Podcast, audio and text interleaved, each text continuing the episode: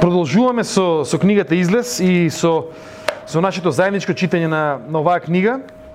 А, книга Излез, книгата која што зборува за излезот кој што израелците го, го, го добија од Бог, значи оно излез кој што кој што не беше само како да кажам, често пати ние знаеме да кажеме ослободување, духовно ослободување, ова беше многу реално ослободување, значи ослободување на израелците од египетското робство.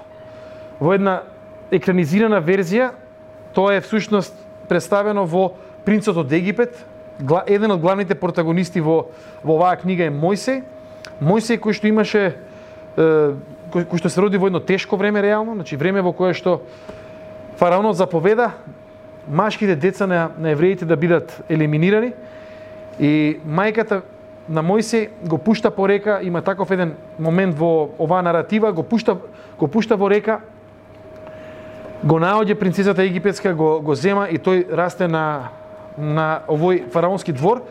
И оно што, оно што предпоставам дека сме го приметиле во оваа наратива е всушност дека мој се, мој се не беше анонимус, на него го места таму е спомнато дека мој се беше добро познат во Египет. Значи не е, не е тоа само некој кој што е земен од некаде, туку, туку човек кој што, кој што знаел како да се однесува на тој фараонски двор и како да разговара со фараонот и како да да, да инсистира дека ова е на вистина тоа што што Бог го бара од од нив. И минатиот пат зборувавме за робскиот менталитет и зборувавме како и покрај тоа што Бог направи еден куп чуда, значи во животот на во животите на на евреите, на на израелците, е, како наспроти тоа тие покажуваат една реално човечка тенденција, а тоа е тоа е чудно нешто. Без разлика колку ние ќе искусиме од Бог, без разлика колку Бог ќе не ослободи, ние се уште за жал имаме тенденција да се тераме по свое и да се враќаме на некои стари начини на живот и на размислување. За кој што, ни, за кој што сме, сме го молеле Бога да не ослободи. Тоа е парадоксот на, на животот на евреите, на израелците, значи во оваа наратива, тоа е парадоксот на, на, на човештвото, тоа е мотив од парадокс. И, и кога, кога читаме, кога читаме, ја читаме оваа наратива, ќе видиме дека всушност се започнува со тоа што израелците бараат од од Бог да ги спаси. Тие вели почна да викаат кон Бога и да се молат и да и, и да, да, да да бараат спас од него. И кога тој спас дојде или почна да се случува, што е уште многу поважно, тие ги покажаа тоа што го спомнав како наши тенденции на робски менталитет, да се враќаме на нешта кои што не заробуваат, кои што се деструктивни за нас, кои што едноставно со кои што нема нема иднина. И колку што сме брзи тоа то да го лоцираме кај нив, мислам дека се препознаваме себе си во, во таквите моменти, во таквата ситуација. Евреите излегуваат, нешто што за мене морам да кажам дека е до ден денес фасцинантна работа, да поминат преку море. Кога бев дете, не знам ти што сте моја генерација, не знам колку сте тачно моја генерација, имаше еден филм, се викаше Ремо невооружен и опасен.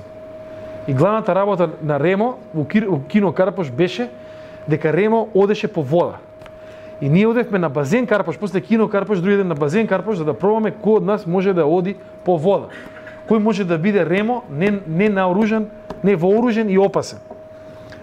И имаше у тој длабокиот базен, у 2 метра базенот, по, нели по еден-два корака, некој, некој ќе помисли дека направил три и пропаѓавме. И тоа се, како да кажам, овој момент ние мораме да разбереме дека дека во, во македонскиот јазик чудо значи дека нешто помеѓу другото е чудно, дека дека дека, дека не секојдневно. Дека ова не се случувало секој секој секој ден кај кај израелците. Значи не продолжиле тие да да одат по, по земјава и као е река пред нас. Ај малце, реко ако може да значи имаме такви моменти символични, ама не и на ваков начин. И кога тоа се случува, Бог верен на својот карактер, верен на тоа дека е љубов, дека сака од нас да направи најдобро што може, едно, во, во една реченица ако можам да го кажам тоа, да го врати ликот Божи во нас. Тоа е тоа е Божјата Божјата задача. Тоа што е во нас нагризено од грев, тоа што е нагризено од живот, од ситуации, тоа што едноставно е дел од нас и кога, кога Бог го гледа вели, гледа деструктивност или гледа наша мака и мачење, тоа сака Бог да го приначи во, во оно што значи негов лик, односно живот според според негова волја. И Бог всушност во 20 глава, значи излез 20 глава, ќе ќе читаме тука еден стих само. Во во во 20 глава укажува на заповедите.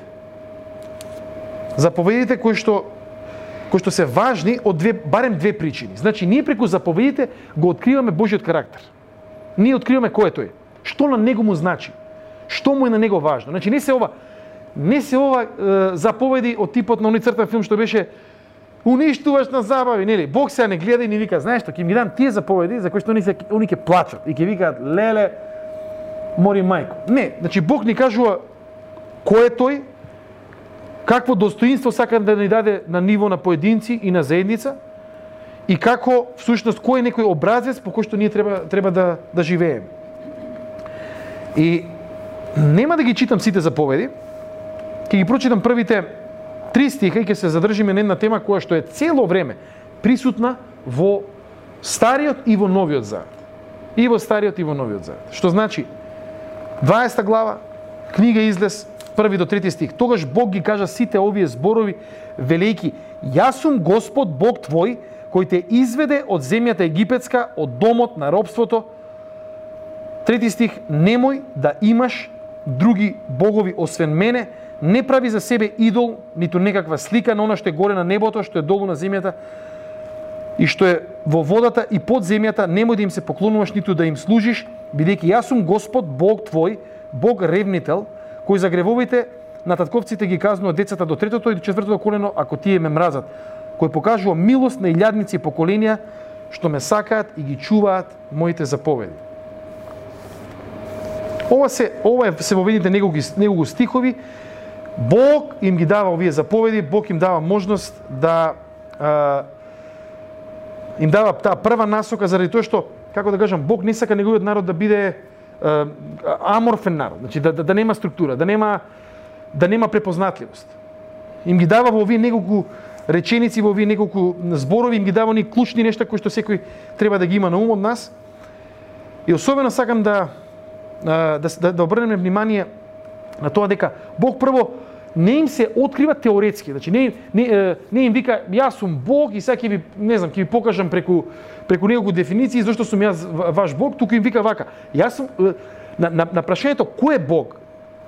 За евреите, за израелците, одговорот не е чекај да ти кажеме, не знам, 10 дефиниции, туку оној кој што нас не изведе од од Египет. Тоа е вистинскиот Бог. И всушност тоа би требало да биде и нашето сведоштво. Кога некој ќе не праша кој е Бог, Тој што нас не изведе од нашите гревови, од нашите робства, од оно ослободување кое што ние сме го доживеале. Тоа е Бог. И за да не лутаме кој е тој Бог, Бог ни го дал светото писмо за да тоа наше доживување на, на живиот Бог да го споредиме или во обратна смисла а, Библијата да, да го информира нашиот живот и нашето е, нашиот е, како да кажам нашето разбирање на Бог. И затоа за за евреите е многу едноставно. Кој е вашиот Бог? Таму не вика трансцендентен, иманентен, не, не, не, не вика, знаеш кој е нашиот Бог? Нашиот Бог е оној Бог кој што не изведе од Египет. И неговото име е Јахве. Јх ВХ. На еврејски.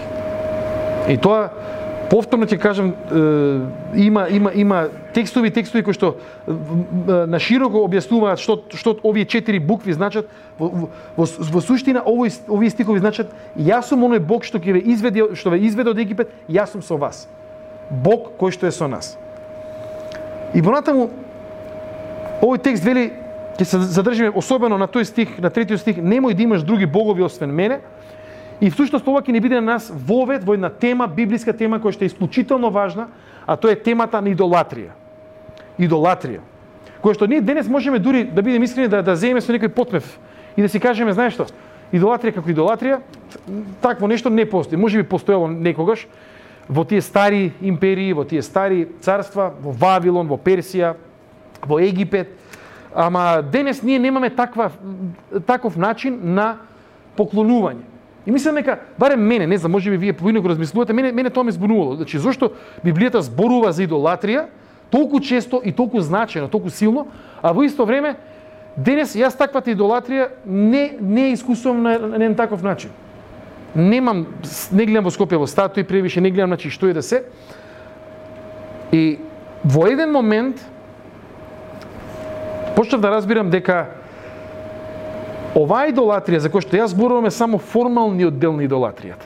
Дека се тоа некои статуи, дека се тоа всушност, ако видите, ако, ако вие ја разгледате да кажеме грчко-римската митологија, ако ја разгледате вавилонската митологија, ако ако разгледате персиската митологија, знаете што ќе приметите? Ќе приметите следно. Ќе видите дека тие статуи все сушност олицетворение на, на концепти. Олицетворение на концепти. Затоа имаме ние Бог, мислам, во тоа време имало, да кажеме, Бог на војната. Бог на финансиите, Бог на, на, на среќата. Бевме сега пред некој пред, пред месец дена во во Охрид и е, видов една една еден епиграфски споменик, значи еден, еден надпис од од римско време на на старогрчки и веднаш започнува со со, со посветата на, на едно божество кое што верувам дека и те како е значено за нас денес. Не, не го славиме на исти начин, ама стру, во однос на структура и на, на концепт потполно исто. Овој надпис е, го адресираше тоа божество и изборуваше за добрата среќа. Агате Тихе. Во Охридскиот музеј, во, во куќата на Робевци. Агате Тихе, добрата среќа. Потрага по среќа ние мислиме дека денес сме измислили ние како цивилизација. Од нас почнало. Агате Тихе. Што тоа значи? Дека сите ние имаме потреба од од малку повеќе среќа во животот и дека овој концепт олицетворен и трансакцијски разбран, всушност дека ако ти на Тихе и дадеш одредена жртва или пари или што и да се, ти имаш право да се надеваш на повеќе среќа во твојот живот. Се надевам дека не сум премногу свет од ова, не, не свети у мене, добро. А, значи, тоа е тој момент, значи, тоа е тој концепт И не само тоа, божествата на, на војната, како што е Арес, тоа се божества на војна доминација, на желба на проширување на царства, на доминирање со други народи кои што и до ден денески те така, како постојат. Значи тоа се тие концепти и ние понекогаш си викаме добро, ја денеска немам не знам од Арес некоја статуа дома, ама ако ако ако не веруваме дека Арес е се уште жив и дека е помеѓу нас, пуштете вести и видите дека секој ден секоја војна е всушност војна за доминација, војна за за вземање на територии, за за влијание, што и да е. Дури денес за разлика од оригиналниот Арес, а, кој што има нели шлем и кој што има војничка опрема, денешните денешниот Арес има има некои други карактеристики, тоа се ти психолошки војни, тоа се куп други нешта кои што реално се водат во денешниот свет. И Библијата тогаш јас почнав да разбирам дека дека не се работи само за статуите. Дали ти дома имаш статуа или немаш дома статуа, дали јас имам статуа или немам, туку суштински идолатрија не случајно е потенцирана како една од најопасните во, во нашиот живот, заради тоа што идол не е само слика, не е само нели, форма, туку многу поважно концепт и вредност која што во мотивот твојот живот го завзема Божјото место. Концепт или вредност кој што го завзема Божјото Божјото место во мотивот твојот живот. Од каде што јас и ти во клучна смисла и тоа е тоа е важно. Не за џабе сакам да ви кажам со други зборови, вака започнуваат десете заповеди. Тоа е вредност. Тоа е тоа е одредено уверување, тоа е светоглед, начин на гледање на светот, кој што го информира мојот и твојот идентитет. И тој идол е всушност, идол може да биде тоа што за мене беше во прво време искрено збунувачки, секоја дури и добра работа, од Бога дадена работа, која што го нема своето место во нашиот живот, туку го превзема местото Божјо во нашите животи и почнува нас да ни формира на, на, во, во секој смисол, како вредност, е всушност идол. Знаете, добри работи, најдобри работи. Ќе ви кажам нешто што може би ќе ве збуни една изрека. За мене е најважна фамилија. Фамилијата може да стане идол ако ако е, ние имаме уверување дека дека нашето семејство е поважно од Бог и Божјото место во нашиот живот. Малце може би ви звучи чудно. Еве зошто.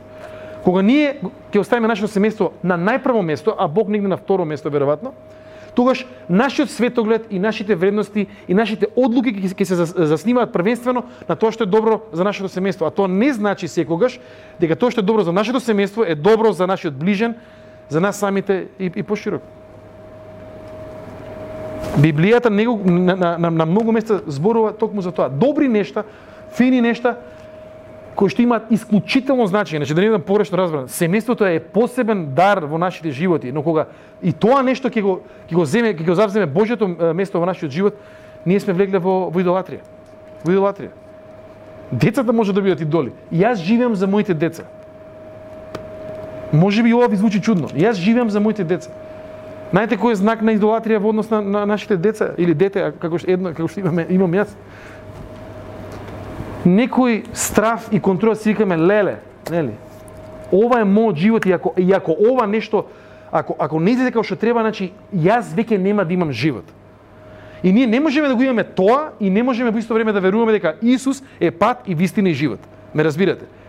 Од таму суштински ние треба да влечеме идентитет и од таму треба да почнеме за ние да знаеме што значи да се биде добро семејство или да се биде добар родител на на дете. Идолопоклонство идентитетско. Но некојаш може ги се речеме добро, кај се храмовите, многу интересна работа, многу интересна забелешка. Каде и да патуваме во светот, каде и да патуваме. Главните идоли во градот се забележуваат според новите храмови. Одете било каде и забележете која зграда, кои згради се најголемите во тој даден град. И ако ти идете, не знам, ако отидете на еден куп места ни светот, ќе видите дека многу често најголемите, најраскошните згради се се банките или банкарските корпорации. Мон? Црквите, црквите се сега доста подоле. Банките се, да, идеш таму и си викаш, нели, таму ми е сигурноста, таму ми е сигурноста, таму ми е, таму ми е се. Дури, дури го има и оној момент на, на, на, на тишина, речи си, нели, кога сме во банка, треба да биде тивко и, и, и стоим. Да, да, и треба да се наведнеш на шалтер. И треба да се наведнеш на шалтер. Да изразиш почит, да, да изразиш почит, така, за да, за да, за да, за да, за да добиеш нешто за возрат. А тоа се ти некои хартија унутра у... Да, така. А знаеш што? Бора, Бора даде многу, многу добра поента. Значи, оваа поента е реална поента дека дека постои цела една ритуализација околу тоа, околу тие големи згради и околу тоа каде како како ние како луѓе им им пристапуваме. Исто така, морам морам да ви кажам, во повеќе градови во во во светот најголеми, најзначени згради се медиумите. Медиумите. Одете во во Атланта, зградата на CNN. CNN, Turner э, Broadcasting Studios. Зошто? Заради тоа што тоа е Тоа е тоа е вака како најдобро да го изразам. Тоа е местото каде што се формира вистината. Тоа е местото каде што се формира вистината. Огромна зграда. Сум имал можност со еден мој пријател таквата да, да влезам, да бидам натре во во CNN, во, во, во, во тој цел комплекс. Тоа е тоа е тоа е голем комплекс. И таму се создаваат вистини.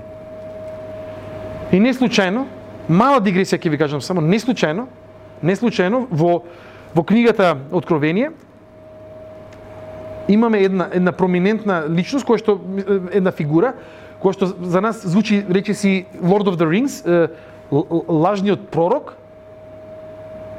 Ама лажниот пророк е де факто таа пропаганда која што се повеќе и повеќе ќе зема замав до, до, до момент, до можност ние луѓето да не знаеме веќе што е вистина и што не е вистина. Затоа што јас се сеќам барем кога бев дете, кога ќе се пуштеа вести, идејата беше дека ова е вистината која што доаѓа кај нас дома.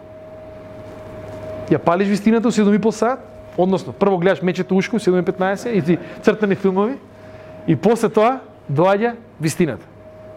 И имав еден комшија, комшија кој што имаше ормар, во ормар ја доаѓам од зграда, мојот дедо беше војно лице, И тоа беа све они стари јана војни лица. И он си имаше ормар и вратички и катанец. И он ќе дојде у 7.28, ќе го отклучи, ќе пушти телевизија ќе дојде фамилијата, ќе семејството, ќе си гледа телевизија, ќе завршат вестите, чик, гаси. Не, не гаси вака. Тие беа стари телевизори кои што се праја со удирање до згоре. Сега е така. Као, ај удри го телевизорот, танк и ќе се направи сликата. Децата беа далински горе доле. Као, еј, ај смени втора и се ти станеш, чек, не. И он ќе го ќе го затвори у 8 саат телевизорот затоа што вика се што е надвор од вести е непријателска пропаганда вика. И цела семејство значи не можеше да гледа телевизија. Идејата е дека тука е вистината, тука е тие се информации што нати се потребни, све друго е пропаганда. Чек, чек. Може би човеков и не е многу далеко. Не знам што да кажам. Ама значи тоа е перцепцијата. Тоа се тие современи идоли, тоа се тие моменти на раководење со со човечки живот. И оно што М? Па друштво, да. Друштво на струја. Друштво на струја, така? Така, цк цк. Друштво на струја. Па брка до негде. Е сега, да не навлегуваме таа дема, да оставиме нешто и за, и за другите проповеди. Ќе ми ги земе сите материјали, после ќе треба поново да се спремам. Да, а, значи, прашањето, ако Библијата толку сериозно го го зема прашањето на, на, на идолопоклонството, значи верувам дека секој од нас треба да си го постави прашањето дали реално имам нешто во мојот живот кое што го завзело местото на Бог. Дали имам нешто во мојот живот кое што дозволило и видете, понекогаш и особено во ова наше време процесите се многу посуптилни од колку што можеби ние ние би сакале да бидат. Многу посуптилни. Милиметар денес, милиметар утре. Сум имал прилика да разговарам со со луѓе што се во маркетинг, во пиар, вика, знаеш што? Вика, ние никогаш не правиме големи чекори на кратки стази, туку ние сакаме отклони. Значи сакаме сега да помрднеме милиметар во некое јавно мислење за да може за 5 години тоа јавно мислење да, да има отклон од да кажеме 5 километри. Ме разбирате како една оска. И она што Библијата нас ни укажува и она што она што е многу клучно опасно, зошто Бог вика дека ние треба да се да, да реално да внимаваме во однос на на вакво нешто, е заради тоа што тие идоли нас не цедат. Не цедат. Деструктивни се по поединецот и ние се помалку и помалку се сакаме себе си. Деструктивни се по нашиот ближен и, и ја црпат, го црпат нашиот е, капацитет да го сакаме ближниот, како самите себе, дошто веќе тие врски се трнати и оно што е клучно, не оддалечуваат од Бог и не ни дозволуваат да живееме живот со Бог. Значи идолите се опасни заради тоа што ни, ни навлегуваат во оно што е суштина на нашето создавање, а тоа е дека дека ние сме заедничарски битија, дека ние сме создадени да живееме во заедништво со Бог и, и заедништво едни со други и заедништво со самите себе. Дека сите тие три а, три, три трансферзали едноставно ќе ќе бидат добри и дека кога, кога тоа се е добро, знаете како како Библијата тоа го нарекува? Шалом. Тоа е мир. Кога сме во мир со самите себе, кога сме во мир со нашиот ближен и кога сме во мир со Бог. Животните како како создание, да. Да, да, да, да. Тоа е уште една димензија, ова овој повеќе зборов за меѓучовечки, значи е, димензија, да. Да, ама е, е дел затоа што тоа е таа еколошка димензија. Значи кога овие три нешта страдаат, тогаш неминуно и еколошката, значи планетата со, со, со животните страда. А, така да еден еден симптом дека јас сите сме влегле во, во идолопоклонство е е таквата исцеденост и невозможност да се сакаме себе си, да го сакаме ближниот и да го сакаме Бог. И да се навратам на оваа старо божество на, на, на оваа божица Тихе која што ја видов во чиј што надпис видов во Охрид пред пред неколку недели.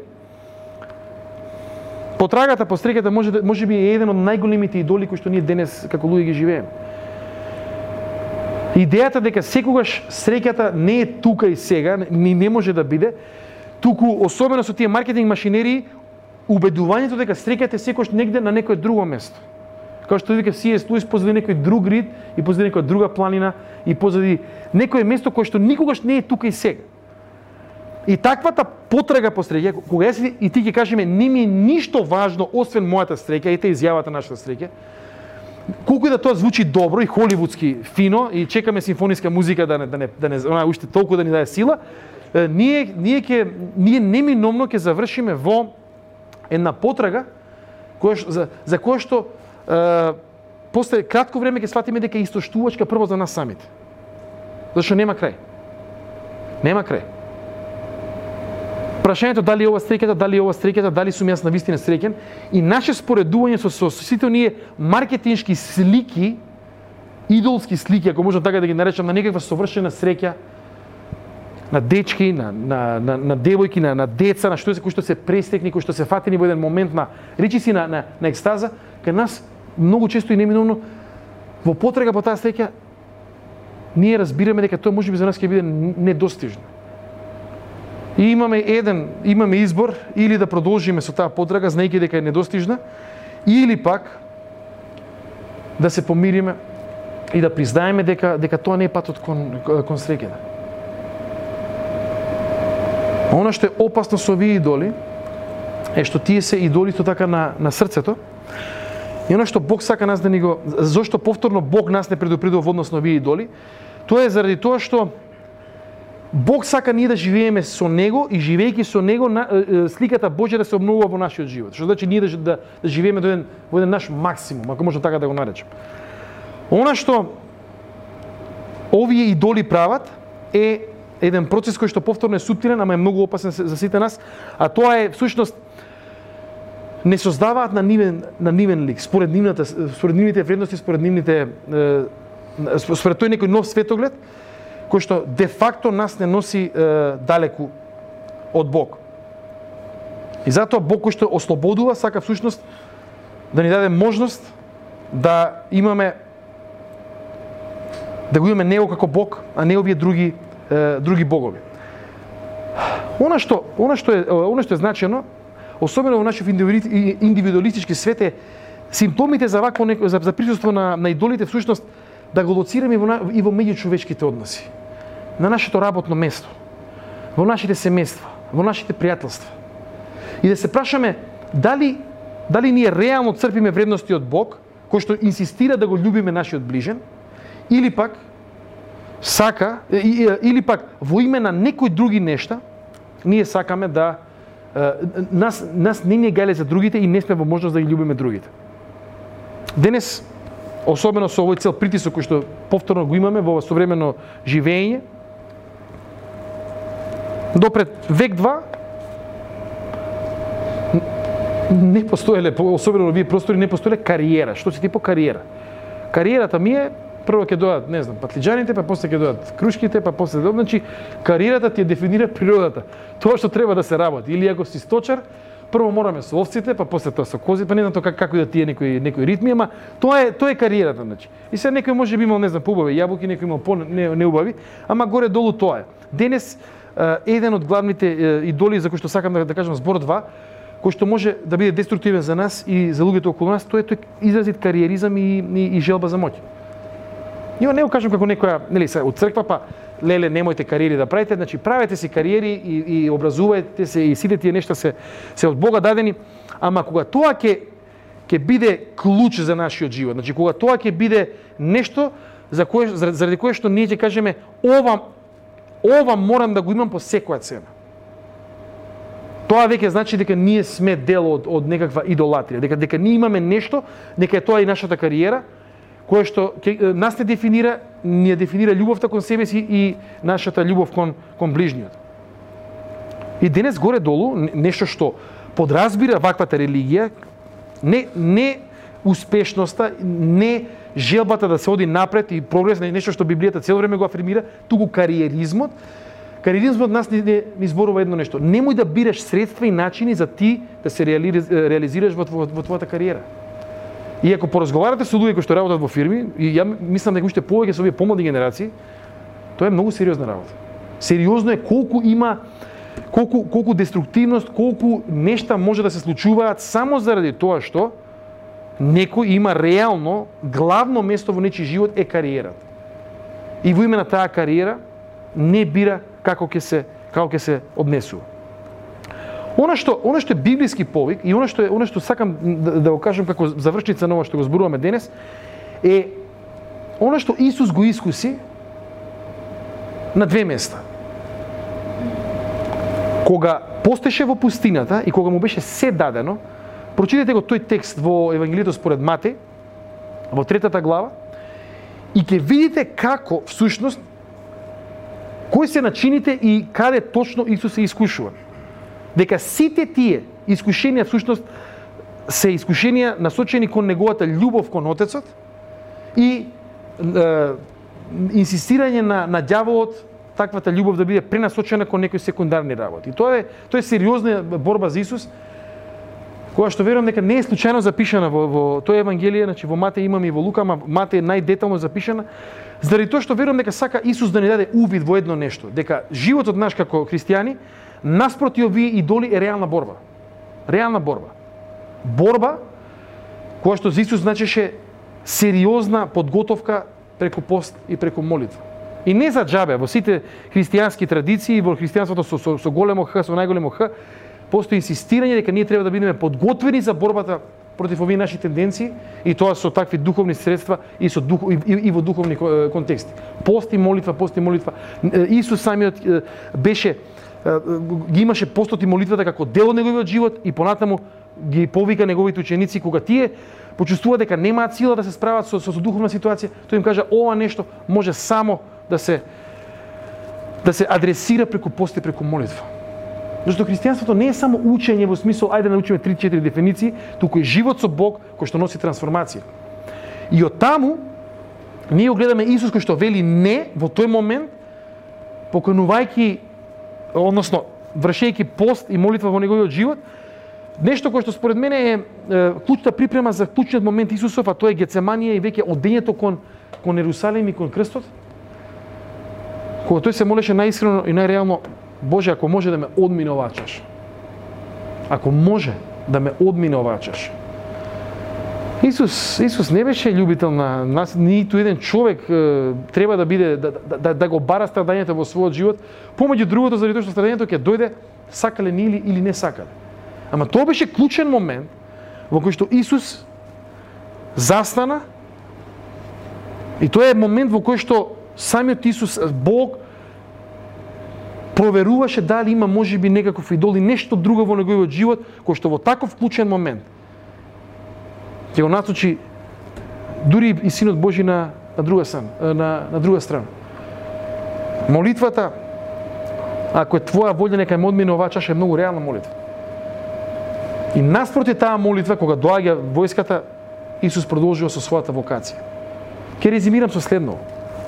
Идолите денес не се само форма и никош не биле само форма, тоа се концепти и светогледи и вредности, кои што јас и ти ги имаме и кои што всушност го завзеле Божјото место во нашите животи.